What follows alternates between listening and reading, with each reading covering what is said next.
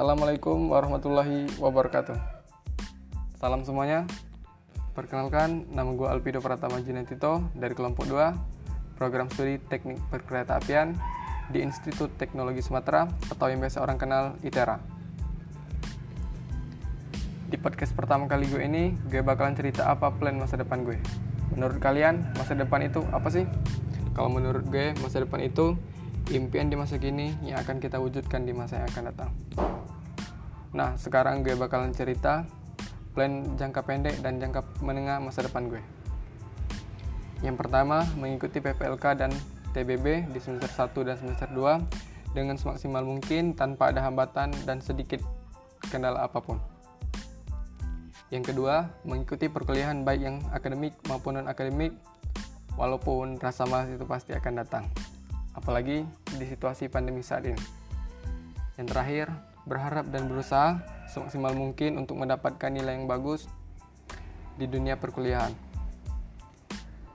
Dan kalau untuk masa depan jangka panjang gue, gue berharap di empat tahun yang akan datang, gue bisa lulus dari dunia perkuliahan dengan nilai yang memuaskan dan membanggakan kedua orang tua. Selanjutnya, gue berharap setelah gue lulus, gue harus berusaha bisa diterima bekerja di bidang yang sesuai dengan jurusan gue, yaitu perkeretaapian. Salah satunya BUMN yang bergerak di bidang perkeretaapian, yaitu PT KAI. Dan untuk BUMN yang bergerak di bidang konstruksi, yaitu PT Waskita Karya. Dan yang terakhir,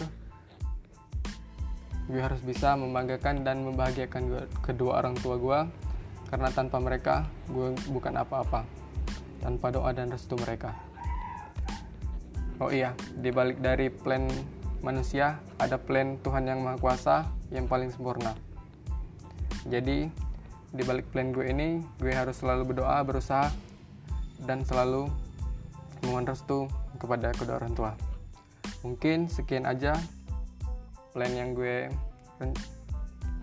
sampaikan untuk masa depan gue.